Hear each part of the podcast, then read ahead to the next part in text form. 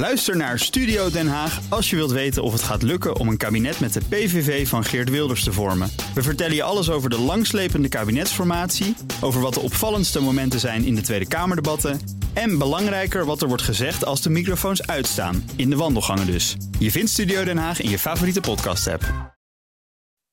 BNR Beter wordt mede mogelijk gemaakt door Novo Nordisk.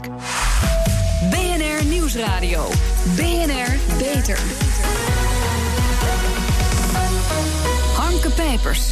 Om epidemieën als obesitas en diabetes te kunnen bestrijden, moeten we beginnen bij de kinderen. En daarvoor is in Amsterdam het programma Aanpak Gezond Gewicht in het leven geroepen. Het doel: geen kinderen met overgewicht meer in 2033.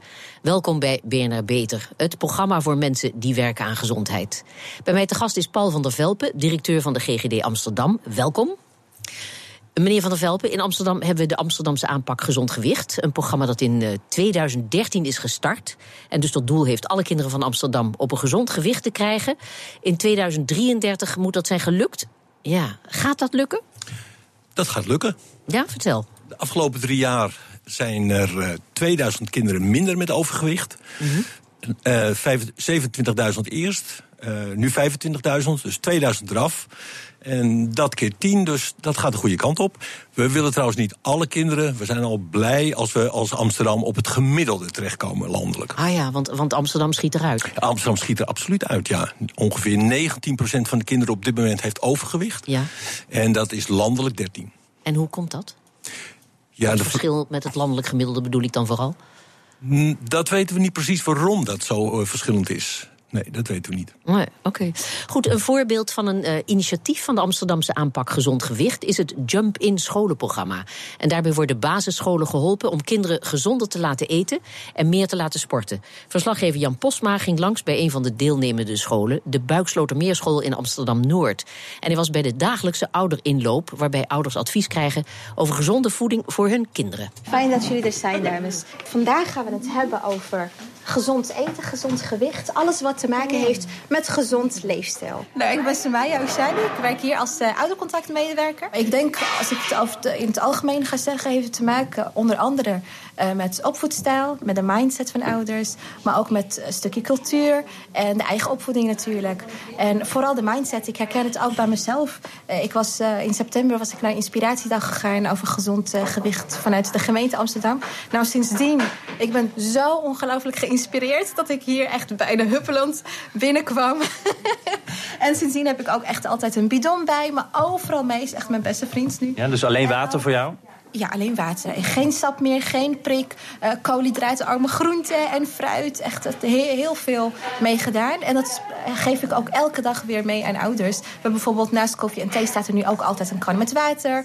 Uh, ik heb ze allerlei stickertjes meegegeven waarop staat drinkwater uit de kraan. En het helpt heel veel uh, kinderen. Ja, het werkt ook niet altijd hoor. Mijn zoontje zegt ook als hij thuis komt... bij voetbal hebben ze een bidon met water op school ja. dan in de ochtend. En dan pakt hij de ijskast vroom open. Maar ik zorg ook wel suikervrije spullen. Hè? Niet dat altijd helpt. Zegt hij, weer water? Jongen man, is toch om te douchen?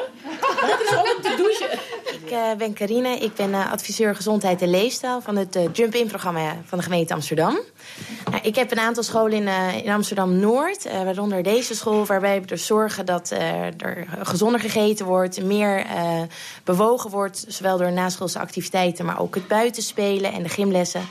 Um, en dat, dat op die manier... Ja, de school gezonder wordt. Normaal zouden we allemaal denken, oh, dat, is, dat werkt toch niet. Of het is toch maar een sticker dat daar hangt. Maar het werkt wel. En vooral als je het ook nog... Je stimuleert het om dat te doen, maar je beloont het ook. En dat probeer ik ouders ook altijd mee te geven. Van, beloon ze ook als ze water drinken in plaats van sap. Nou, zeg maar, dat is, dat is heel goed is. En daar word je sterk van en dan word je energieker van. Dus alle, alle positieve aspecten ook benoemen en, en belonen. Dan hebben we natuurlijk voor elk kind één keer per jaar dat hoogtepunt trakteren op school. Uh, dat was bij ons vroeger altijd zakje chips en, en snoepjes en nog meer snoepjes. Hoe gaat dat hier? Uh, op deze school is het in principe ook veranderd. Dat je echt zo gezond mogelijk uh, iets kan brengen. Maar ja, ik, ik vind het een beetje ja, dubbel. Want hè, het is toch een tractatie. Als je de hele jaar, het hele jaar door fruit en gezond, veel water... Het is niet zomaar het woord tractatie, dus het moet een feestje zijn, vind ik. Dus ik breng toch wel een cakeje of uh, ontbijtkoek met, uh, hoe zeg je dat, M&M's erop, iets maken. Het is niet alleen maar mandarijntjes. Nee, dat doe ik niet. Nou, ik ben het uh, eens uh, met, met het idee van nou, als het een tractatie is, als het een verjaardag is, er hoort toch wel wat, hè, wat zoetigheid bij en feest. Dus meestal geef ik, maak ik ook een cakeje of, of en dan wel, wel niet te veel suiker, maar wel iets lekkers waar de kinderen helemaal. Want als je met een mandarijn aankomt bij de kinderen, dan hoor je van. Uh, een mandarijn. dus dat willen we niet hebben. Ja. Ja, uh, mandarijn. Ja, daar praat ik over met meneer Van der Velpen, uh, directeur van de GGD in Amsterdam. Ja, wat, moet je daar nou tegen doen? Want kijk, als, u hoort de moeders hier, hè, als er een verjaardag is of iets feestelijks, dan moet er toch iets zoetigs komen. Dat zegt nou, deze moeder. 30 kinderen in de klas, dat schiet lekker op. Zo. Dat schiet, ja, nou, dat zegt deze moeder. Hè? Ja. Wat dus interessant is van die jump-in scholen, is dat ouders betrokken worden bij het samen bekijken, uh, zoeken naar een oplossing. Ja. En het kan best zijn dat deze moeder zegt, nou ja, één keer, en dat er de volgende tractatie bij de volgende verjaardag het niet gebeurt. Ja, goed. Nou, dit, dit, is een initiatief waarbij de scholen worden geholpen. Hè? Maar u bent ook bezig om uh, sportclubs zover te krijgen. Dat ongezonde happen en dranken worden afgeschaft. Hoe gaat dat? Iedereen blij met u? Of vragen ze bij de voetbalclub van uh, waar bemoei je je mee? Uh, dat, dat vraagt iedereen. Ja? Maar oh. eigenlijk, ja, waar bemoei je mee? Hè? Ja, daarom. Maar iedereen vindt eigenlijk ook wel een heel goed programma. Want iedereen weet ook eigenlijk dat er wel iets mee moet gebeuren met het overgewicht. Ja. Dus ook bij de sportclubs, ook bij de scholen, hoe moeilijk het ook is, iedereen vindt dat het wel aangepakt moet worden. En bij de sportclubs bijvoorbeeld is het heel belangrijk dat daar toch ook aandacht wordt besteed aan de, zeg maar de vette hap en aan de sportdranken. Want dat heet sportdranken, maar het zijn natuurlijk eigenlijk pure uh, frisdranken met heel veel suiker. Heel veel suiker. Ja. Zeg, maar het is ook een bron van inkomsten, hè? Nou, dat is het probleem voor veel sportclubs. Klopt. Ja. En daar zullen ze dus langzaam, stap voor stap, een oplossing voor moeten vinden. Zeg, en, en waarom richt Amsterdam zich vooral op kinderen? Ja, kinderen zijn de toekomst, maar bij volwassenen valt toch ook nog behoorlijk wat te winnen. En die geven per slotverrekening aan hun kindertjes eten. Nou, het goede van eh, de, eh, de, het richten op kinderen is dat niet alleen dat je aan de toekomst werkt, maar ook dat iedereen het wel logisch vindt om met kinderen bezig te zijn. Als je je richt op volwassenen, dan wordt er al heel snel gezegd: ja, die kunnen dat zelf wel beslissen. Terwijl we met z'n allen wel weten dat je dat van kinderen niet zomaar kan verwachten. Nee, maar dat is nou juist het punt dat heel veel volwassenen er helemaal niet toe in staat zijn om een goed besluit te nemen. Ja, dus we moeten ze absoluut een handje helpen. Ja. Dus je moet het niet alleen richten op ouders, je moet ze erbij betrekken, maar je moet je dus ook richten op sportclubs, je moet je dus ook richten op scholen en je moet je ook richten op de voedingsindustrie, die Nou ja, continu bezig is natuurlijk om eh, Ja, want iedereen zeggen, te verleiden. Want, want die, ja, precies, die verleidingen van de kinderen buitenshuis, die, die zijn enorm. Neem alleen de schappen in de supermarkten, daar wilt u wat aan doen. Ik heb begrepen dat u eh, eh, daarvoor gaat samenwerken met Ahold. Heb ik ergens gelezen, alweer een tijdje geleden. Hoe staat het daarmee? Nou, de gemeente Amsterdam heeft in eh, het convenant eh, Stop Kindermarketing getekend. Als enige gemeente in Nederland. Dat betekent dat ze samen met Consumentengids eh, Bond, eh, samen met KWF, een aantal organisaties zich erop richten dat bedrijven geen reclame meer maken gericht op kinderen voor ongezonde producten. De minister die denkt dat de voedingsindustrie dat zelf wel kan reguleren, die Ja. reclame gericht op kinderen. Maar wij vinden dat ze eigenlijk dat we die bedrijven een handje moeten helpen. En dat bedrijven moeten stoppen met het eh, richten van marketing op kinderen voor ongezonde producten. Ja, want ze hebben een convenant getekend, maar wat is er nou in de praktijk tot nu toe van terechtgekomen dan? Eh, verdraait weinig, te weinig in onze ogen. Dus- Want eh, zij gaan niet als eerste, dan moeten concurrenten het ook doen. nou, dat is het lastige. Als je als overheid geen regels Ja. stelt, maar afwacht dat bedrijven het zelf doen, dan kijkt het ene bedrijf naar het andere. Ja. Zeg maar, dat betekent dus dat er toch een steuntje van de overheid zou moeten komen, hè? Ik denk dat dat wel handig zou zijn. Ja. Ja, maar. Want u- bent natuurlijk in positie om dat vaak te uiten en te zeggen. En u spreekt de minister misschien zelfs wel eens, weet ik veel. Nou, of, mm, mm, eh, wat ik wel merk is dat VWS, wat mij betreft als ministerie, iets eh, te weinig aan regels stelt. Mhm. Dus een aantal zaken naar gemeentes toeschuift. Dat is heel belangrijk trouwens. Ja. Gemeentes kunnen heel veel doen op het gebied van onderwijs en, en, en gezondheid en noem maar op. Maar ik denk dat er naast VWS veel strakker een aantal regels moet vaststellen waar bedrijven zich aan moeten houden. Ja. Ja, wat voor regels zou u eh, eh, willen zien? Nou, we, we, kunnen denken aan, aan, reclame en marketing gericht op kinderen. Daar zou de overheid strenger uh, op kunnen handhaven. Ja. Nu wordt het dus eigenlijk overgelaten aan de industrie. Ik denk ook aan maatregelen op het gebied van belasting of wetgeving. Dus het aantal suikergehalte bijvoorbeeld in, ja. in, producten. Ja, in Engeland vinden ze ook hè, dat het bedrijfsleven verantwoordelijkheid heeft. En daar hebben ze de Public Health Responsibility Deal ingevoerd, al een tijdje geleden. Daar doet het bedrijfsleven aan mee, zeggen ze. Maar intussen gebeurt er nog veel te weinig. Dus ja, een beetje vergelijkbaar hier met de situatie in Nederland, geloof ik. Maar het is een begin natuurlijk. Zou, zou zoiets hier ook moeten? Of nou, is dit ik, vergelijkbaar? Wat ik weet van de Engelse aanpak is dat het nog behoorlijk vrijblijvend is. Dus bedrijven kunnen alle mogelijke leuke ideetjes ja. uh, neer, uh, uit gaan voeren. Maar of dat ook ideeën zijn die hout snijden, die ertoe doen, dat is nog maar de vraag. Er is een lijst opgesteld van 74 maatregelen die ertoe doen. Ja. En ik denk dat je gewoon bedrijven moet houden aan die maatregelen. Hè. Dus kleinere porties, minder suiker in producten. Uh, de locaties, minder locaties voor ongezonde producten. Dus dat zijn maatregelen die ertoe doen. Ja. En niet zomaar een leuk idee van een bedrijf meteen honoreren. Nee. Ja, goed, maar zover is dus hier nog lang niet. Hè? Het, het komt nog maar niet van de grond. Maar als u kijkt naar de verkiezingsprogramma's van de politieke partijen...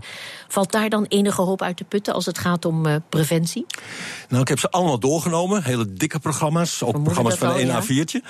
Maar er staat verdraaid weinig in als het gaat om een gezonde levensstijl. Heel weinig. Uh, ook geen maatregelen, niet alleen geen maatregelen richting de, de industrie, maar ook niet richting zorgverzekeraars en, en andere partijen die ertoe doen op dit punt. Nee, weinig Ja. maatregelen in de verkiezingsprogramma's. Ja, dat is toch vreselijk? En een absolute gemiste kans. Ja. Ja. Want iedereen klaagt natuurlijk wel over zorgkosten. En hogere premies. Mhm. Ja. Maar dat begint natuurlijk voor een flink deel ook bij een ongezonde leefstijl van mensen. Ja. En ehm daar zou je dus maatregelen op moeten nemen om dat te bevorderen en aantrekkelijk te maken voor mensen. Ja, maar iedereen heeft het over uh, een wereldwijde epidemie. Als je praat over obesitas en over diabetes bijvoorbeeld. En de enorme kosten en de complicaties. En de gevolgen van het roken. En ondertussen, ja, het is van een, ik zou bijna zeggen, lulligheid. Allemaal. Het, het, bedoel, het zijn allemaal intenties hè, die worden geuit. Het zijn heel veel intenties. En al heel snel wordt er vanuit uh, het Rijk geredeneerd van... ja, het is individuele verantwoordelijkheid van mensen. Ja. Ze moeten het zelf weten. Maar ja, vervolgens is het effect wel dat 48% van de bevolking overgewicht heeft met alle gevolgen van dien. Waardoor zorgkosten stijgen. Wat niemand eigenlijk ook weer prettig vindt dat die zorgkosten stijgen. Ja. Dus ik denk dat je het toch als overheid moet aanpakken. En niet alleen maar uh, moet gokken op de individuele verantwoordelijkheid. Ja, ik denk het ook. Goed. In Amsterdam wordt flink ingezet op preventie. In Amsterdam, zei ik, wordt flink ingezet op preventie. Maar hoe zit het met de rest van Nederland? BNR Nieuwsradio. Beter. Steeds meer zorgtaken zijn gedelegeerd aan de gemeente. Waar is die decentralisatie goed voor? En welke problemen vragen nog steeds om een landelijke aanpak? Daarover praat ik verder met mijn gast Paul van der Velpen, directeur van de GGD in Amsterdam. Ja, meneer van der Velpen, u heeft afgelopen zomer een oproep gedaan aan politieke partijen. Iedereen heeft een mond vol van preventie, uh, zo, ik citeer u nu. En daarom verwacht u in elk verkiezingsprogramma een uitgebreide paragraaf vol effectieve maatregelen en geen vrijblijvende gratis statements. U dreigde als ze dat niet zouden doen met de oprichting van de Partij voor Preventie. Nou, we hadden het al over wat er nu in de verkiezingsprogramma staat. Dat is een beetje lauw. Dus uh, ja, die partij, hè? U gaat de politiek in? U bent de enige niet, hè? Nee, nou, die, uh, die, dat, die verklaring dat ik uh, de Partij voor Preventie zou oprichten... heb ik gedaan in een column in Binnenlands Bestuur. Dus dat is geen serieus uh, verhaal Ja, wat dat betreft. Nee, dus wel serieus is dat ik echt wilde onderzoeken... wat uh, allemaal staat in verkiezingsprogramma's van politieke partijen over preventie. En dat is verdraaid weinig, teleurstellend ja. weinig. Ja. Ja. Ja, men, wat... men, probeert de, de, zorgkosten aan te pakken, mm. -hmm. maar allemaal manier, al, op manieren om het stelsel te veranderen. Terwijl de basis is natuurlijk op heel veel punten het ongezonde gedrag van, individu van mensen. Ja, maar goed, preventie, dat zei je al. Het, het, woord komt in ieder geval in elk programma voor. Maar op dus een, een heel vrijblijvende manier. Is dat uh, geheel in overeenstemming met de decentralisatie van de zorg? Het is toch een taak die aan de gemeente is uh, toebedacht. En uh, het mag niet te veel kosten en zoek het maar uit. Voor een deel is het. Ik denk dat het goed is dat een aantal taken bij gemeentes terechtgekomen zijn. Omdat gemeentes invloed kunnen hebben op bijvoorbeeld zaken die voor de gezondheid van mensen van belang zijn. Hè, bijvoorbeeld de, de programma's op scholen. Daar hebben gemeentes invloed op. Tegelijkertijd meer waterpunten in de stad, zoals in Amsterdam Ja. gebeurt. Hebben gemeentes invloed op. Meer sportvelden, eh, meer speelvelden voor kinderen. Dus dat zijn zaken waar gemeentes invloed op hebben. Dus ik denk dat het heel goed is dat een aantal taken naar gemeentes toe zijn gegaan. Alleen aan de andere kant denk ik dat nog steeds VWS de, de een partij is die landelijk, en samen met andere ministeries, ook op landelijk niveau een aantal dingen moeten doen. Alleen die combinatie. Waar, waar denken we dan aan? Welke landelijke eh, taken zijn er? nou, dat gaat dus eh, wetgeving ten aanzien van producten. Hè, dus eh, suikergehalte of, Ja. of zoutgehalte of portiegrootte of verkooppunten. Dat soort wetgeving, denk ik, is van, van belang. En Mhm. dat kan een gemeente in zijn eentje niet doen. Wat VWS ook heel benadrukt is dat niet alleen gemeentes iets moeten doen aan preventie, maar ook zorgverzekeraars. Ja. Nou hebben we in Nederland geloof ik 390 gemeentes. We hebben vijf grote zorgverzekeraars. Dus de samenwerking tussen die twee partijen gaat niet automatisch eh, eh, makkelijk. En daar zou VWS een veel belangrijker en veel sturende rol in kunnen spelen. Om te zorgen dat die partijen inderdaad eh, aan de slag gaan met preventie. Ja, komen we zo op. Maar nog eventjes over die taken hè, die naar de gemeente zijn gegaan. Zegt u ook van, nou ja, het is een ordinaire bezuinigingsmaatregel, daar komt het op neer. Het zijn mijn woorden, hè. Maar een deel van die taken zou gewoon weer terug moeten naar het Rijk? Ik weet niet of die taken precies terug moeten. Mhm. Ik zou liever hebben dat naast de taken die naar de gemeente ge- eh, zijn gegaan, eh, het Rijk ook een aantal taken serieuzer oppakt en daar meer werk van maakt. Nou ja, ik bedoel, de, de wet kun je dus niet inderdaad in de gemeente Amsterdam regelen. Dus dat zal het Rijk moeten doen. Klopt. Ja, dus Ja. als je het hebt bijvoorbeeld over stoppen met roken en dat Ja. soort zaken. Eh, als je zegt ik wil minder verkooppunten of ik wil de prijs omhoog, de accijns omhoog. Dat kan de gemeente Amsterdam niet alleen. Daar, Nee. zal, eh, daar zal het Rijk iets aan moeten doen. Nee, goed, we roken. We weten allemaal hoe slecht het is en hoe vreselijk het is en hoe naar je eraan eh, kan overlijden. Het heeft allemaal niks te maken met keuzevrijheid, maar alles met verslaving. Maar die keuzevrijheid, dat is een, toch een hardnekkig misverstand. Hè? Wat, wat kun je als gemeente daar nou in betekenen? Ja, vanuit, eh, vanuit het ministerie wordt heel snel geroepen als je het over preventie hebt. Het is de individuele keuzevrijheid van het individu. Ja.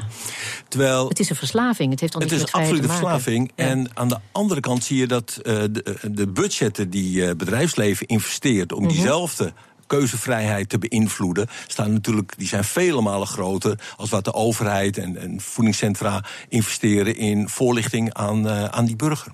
Ja, het moet, het moet natuurlijk toch gewoon verboden worden. Het moet verboden worden. Roken? Ja? Ja, ik doe met u mee. Ja. Ja, dan maken we ons niet populair zijn. Nee, absoluut bij. niet. Zeg, en, en scholen? eh, want daar zijn natuurlijk wel maatregelen te nemen. Ja, en dan is volgens mij is in de Tweede Kamer afgesproken dat er op schoolpleinen niet gerookt zou moeten worden. Maar het lukt nog steeds niet om echt alle schoolpleinen in Nederland rookvrij te krijgen. Ja. En ik denk dat alle scholen eigenlijk rookvrij zouden moeten worden in Nederland. En dat je dat ook echt moet handhaven en niet Ja. een vrijblijvend iets moet laten Ik, ik lees dan in partijprogramma's zoiets dat eh, een, een rookvrije omgeving moet voor kinderen mogelijk zijn. Dan denk je, ja, droom verder. Goed, eh, de wet eh, publieke gezondheid. Zou het allemaal stelliger in die wet moeten worden vastgelegd? Of is die huidige wet expliciet genoeg? Nou, die wet is heel goed als het gaat bijvoorbeeld om de bestrijding van infectieziekten. Heel keurig geregeld wie wat doet. Wat doet Ja. de zorgverzekeraar, wat doet de huisarts, wat doet de GGD en noem maar op. Terwijl bijvoorbeeld over de eh, eh, zaken als overgewicht, ja, dat is, dat, daar wordt geen woord aan besteed eigenlijk in die wet. Ja. Dus het is eigenlijk krankzinnig dat het zo. eh, Ja, ik heb wel eens gezegd. Als je- bevordering, hè, gezondheidsbevordering. Ja. Sorry. Maar er dat, niet- dat ene woord, dat, dat staat er geloof ik een paar keer in, gezondheidsbevordering. Maar wat het dan inhoudt en wat er dan bevorderd moet worden en wie wat doet, daar staat helemaal niets over in die wet. Ja, als je dat bij andere eh, onderwerpen zo zou eh, formuleren, dan. eh, Ja, als je zo infectieziektebestrijding zou aanpakken, dan zou iedereen natuurlijk eh schuddenbuikeld onder de tafel gaan of woedend worden. Ja. Zeg, en op een bijeenkomst van de GGD's, waar u het woord voerde, sprak ook bijzonder hoogleraar gezondheidsrecht Jos Dute. En die zei, en dat vond ik een mooie: preventie is een mensenrecht.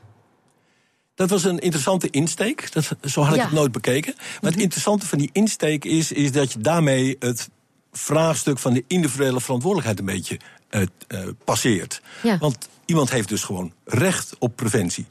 En in plaats van dat je dan zegt, dat vind ik betutteling, eh, is zijn stelling, daar heeft iemand gewoon recht op. Ja, dat mag hij eisen van de Want lang, overheid. want lang niet iedereen is in staat om, eh, om goede keuzes te maken. Ja. Ehm, tja. Eh, wat u betreft moet de rol van de verzekeraar, dat noemde u al, hè, groter worden. Maar preventie is is voor verzekeraars, dat is nog zo'n punt, niet interessant, omdat ze er niet zeker van zijn of de klant waarin ze investeren volgend jaar nog bij hen verzekerd zal zijn. Nog eventjes over die partijprogramma's, daar las ik dan toch weer iets hoopgevends in, want heel veel partijen die willen dat de marktwerking voor de basispolis wordt afgeschaft en dat er meerjarige contracten worden afgesloten. Dus dan kunnen uh, verzekeraars elkaar alleen maar beconcurreren op uh, de aanvullende verzekering. En dat zou dus betekenen dat het voor die verzekeraars wat interessanter wordt om te investeren in zoiets als preventie, wat toch een kwestie is van de toekomst. Nou, dat is, inderdaad het probleem van zorgverzekeraars. Is dat het verdraaid lastig voor ze is om te investeren in preventie. Want wie weet gaat uh, die, die klant waar ze dan in geïnvesteerd hebben volgend jaar weer naar de concurrent. Ja. Dus, maar de, als je dan al denkt aan uh, geen concurrentie op het basisdeel, dan zul je toch meer preventie in dat basispakket moeten stoppen. Want als je dat niet doet, dan heeft het geen zin om, om niet te gaan concurreren. Nee, precies. Maar bedoel, je kan het ook omdraaien. Tot nu toe komt preventie er niet in, omdat het zakelijk gezien voor die verzekeraars dus uh, zo oninteressant is. Omdat zij, als ze investeren. klopt dan zullen ze daar de revenue niet van uh, kunnen oogsten. Oké. Dus wat dat betreft is er dan een belangrijke belemmering uh, weg. Maar goed, u zult uh, vooralsnog moeten roeien met de riemen die u heeft om de kloof ook in gezondheid tussen mensen met dan een lage sociaal-economische status, dat begrip wordt gehanteerd, hè, een 6, en mensen met een hogere sociaal-economische status, om die kloof kleiner te maken. Uh, maar preventie en voorlichting, daar doen vooral de hoger opgeleiden hun voordeel mee. En dat betekent dus dat de kloof voorlopig alleen maar groter wordt. Betekent niet dat je het niet moet doen, maar wel dat je misschien nog meer moet doen om die mensen met een lagere zes, zeg ik dan, uh, aan een gezonde leefstijl te helpen. Klopt, als je een gemiddeld programma hebt, je richt je op de gemiddelde Nederlander, je doet het met, uh, alleen maar met voorlichting, dan profiteren de mensen met meer inkomen en meer opleiding profiteren daar het sterkst van. Wordt ja. die kloof eigenlijk alleen maar groter. Daarom dat we binnen de Amsterdamse aanpak gezond gewicht ons specifiek richten op bepaalde wijken, waar we meer doen dan in andere wijken. En het goede van de Amsterdamse aanpak gezond gewicht is dat we op dit moment zien dat ook in die doelgroepen het overgewicht toen uh, afneemt. Dus je, je, moet, denk ik, in dit soort programma's niet uitgaan van gemiddeldes, maar je heel specifiek ook richten op mensen met een laag inkomen en een lage opleiding. Ja. Um, ik riep in deze uitzending, of ik roep in deze uitzending en in de voorganger daarvan, BNR Gezond, nog wel eens betuttelen moet. Betuttelen moet. Um, die houden we er maar in, hè? Die houden we er absoluut in. We moeten er absoluut niet bang voor zijn om iets meer te gaan betuttelen. Ja. Oké, okay. betuttelen moet, dames en heren. Zit hij tussen de oren? Oké. Okay. Goed, hartelijk dank en veel succes. En zet hem op, Paul van der Velpen, directeur van de GGD Amsterdam. Tijd nu voor ons eigen spreekuur, waarin we iedere week afrekenen met een gezondheidsfabel. En dat zijn er heel veel. Bij een griep krijg je altijd te horen: wel goed uitzieken, hè? Ja, is dat nou wel nodig? Redacteur Frederik Mol zocht het even voor u uit. Uitzieken na een griep is belangrijk. Feit of fabel? Nee, dat is wel een feit. BNR-radiodokter IJze Willinga. Dat uh, is belangrijk omdat uh, griep, met name, griepvirussen, zijn, die kunnen je enorm aanpakken. En dat kunnen mensen getuigen die echt een flinke griep een keer te pakken hebben gehad. Um, dan is het belangrijk dat je na zo'n griep uh, je afweer weer op peil krijgt. En daarvoor moet je goed naar je lijf luisteren en vaak net iets langer uh, de tijd nemen dan dat je strikt genomen zou zeggen. Waar komt de term uitzieken eigenlijk vandaan? Uitzieken, kan ik me voorstellen, is een term die aangeeft dat, het, dat de ziekte ook uit je lijf moet zijn. Dat is zo'n ziekte pas, en zeker bij griep ook, dat is zo'n ziekte pas na enige tijd, als je alweer denkt beter te zijn, dan is het toch nog weer belangrijk dat je ook echt je eigen afweer weer op peil hebt. Anders dan slaat een volgende griep of een verkoudheid of iets anders. Er zijn ontzettend veel virussen altijd, met name die in de winter eh, rondwaren. Die zijn in de lucht. En die kun je ook makkelijk meepakken. Dan is het belangrijk dat je afweer op peil is en dat je uh, dus na griep goed uitziekt. En zorgt dat de ziekte goed uit je lijf is.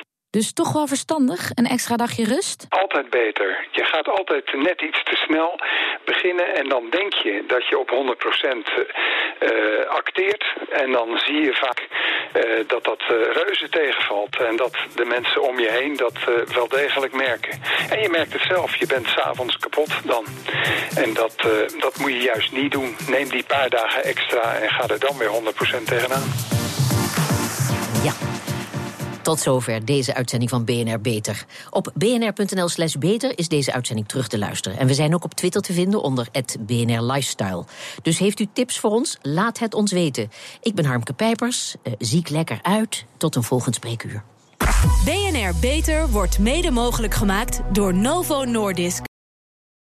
Ook Hugo Reitsma vind je in de BNR-app. Superhandig die BNR-app. Je kunt alle programma's live luisteren, breaking nieuwsmeldingen. Je blijft op de hoogte van het laatste zakelijke nieuws. En je vindt er alle BNR-podcasts, waaronder natuurlijk de belangrijkste, Boeken zijn in de wijk. Download nu de gratis BNR-app en blijf scherp.